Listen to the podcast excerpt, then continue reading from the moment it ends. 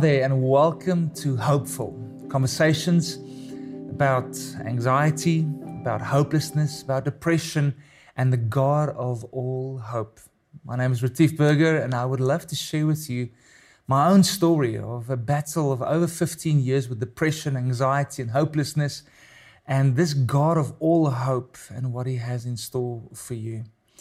Now, some of you uh, might be in a wilderness, might be in a time of hopelessness where you do not have answers to many questions of things that has happened in your life. Now, throughout my journey uh, with hopelessness and, and with fear and so many other things, I have learned that it is God who is the God of all hope. And in Him alone is hope.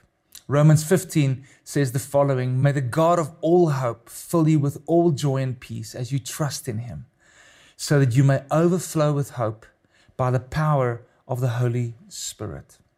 He is the God of all hope, and He wants to fill you with all joy and with all peace. And I have hope for you. I have good news for you today. I want to share with you, starting off today, about a door of hope. In Hosea 2, there's this amazing passage where God is singing Uh, a song of love over Israel.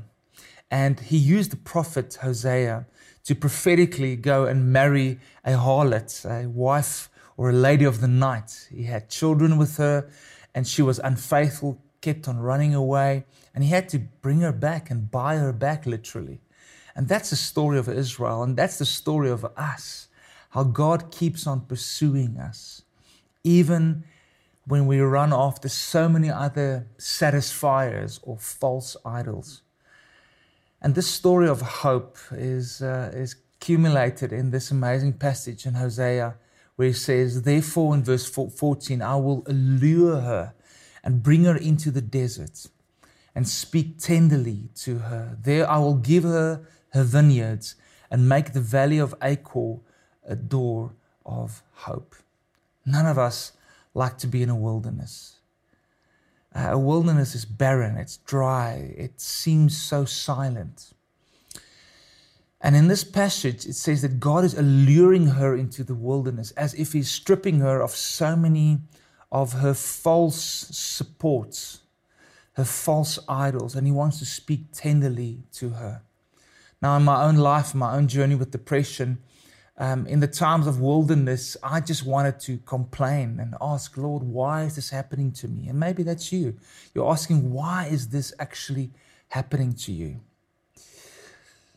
But in a wilderness, I believe God has our attention and He can actually speak to us. Interesting, the Hebrew word for wilderness is, is midbar, and it's the same root word as dabar, that means to speak. So, wilderness and speaking is always synonymous with one another. It's as if God has the ability in those moments to quiet us, to really speak to us. And what I love about this passage is that he allured her and then he spoke tenderly to her. If you're in a desert today, in a wilderness, and a hopeless situation with maybe anxiety or even depression, God wants to speak tenderly to your heart. He gives a promise in that passage where he says he will give her her vineyards. Now, just think about that. He's, is, is in the wilderness. She's in the wilderness. So there's no opportunity for, for vineyards right there. But he's speaking about vineyards within her soul, in her heart, fruitfulness. And I know, having been in many deserts myself, um, you don't feel like bearing fruit in those moments. You don't feel like having hope in those moments. But it's right there where God builds character, where He makes you strong, and where your worry can be turned into worship. Now, He says, I'm going to give her her vineyards, but also He says He's going to make the valley of Achor and He's going to turn it into a door of hope.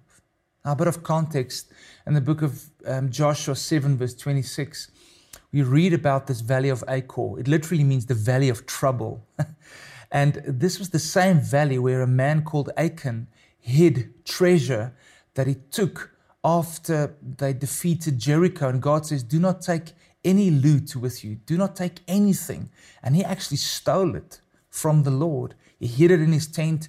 God saw it.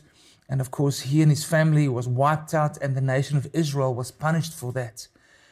But that same valley, God says in this promise, He will turn it into a door of hope.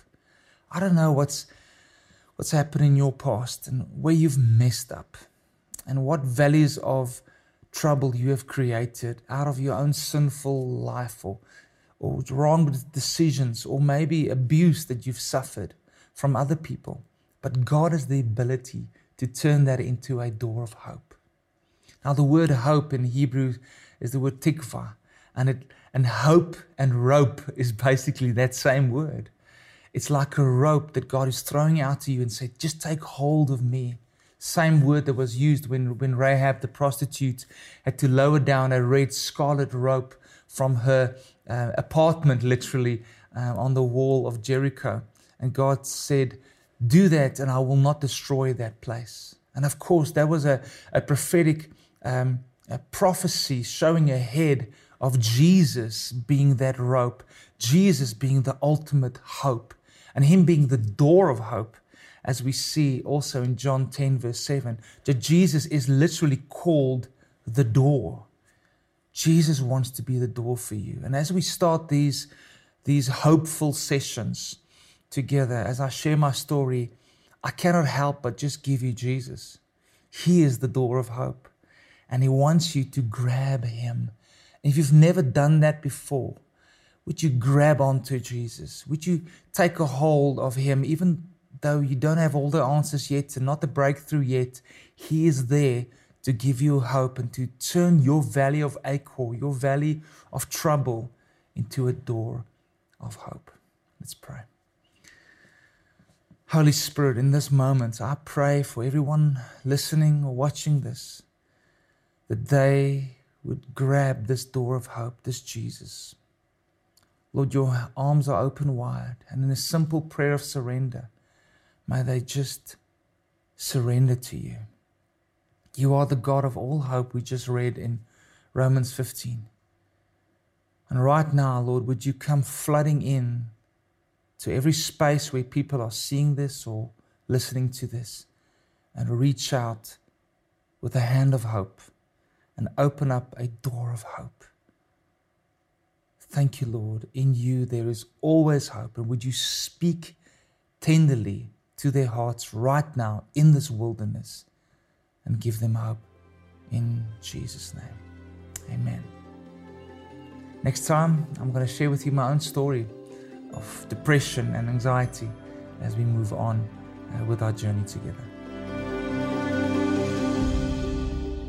Thank you for tuning into Hopeful. If you need more help, please go to mattersofthesoul.org to have a Christian psychologist perspective on depression and to receive help. Alternatively, go to the website of the South African Depression and Anxiety Group or phone them on 080 045 6789.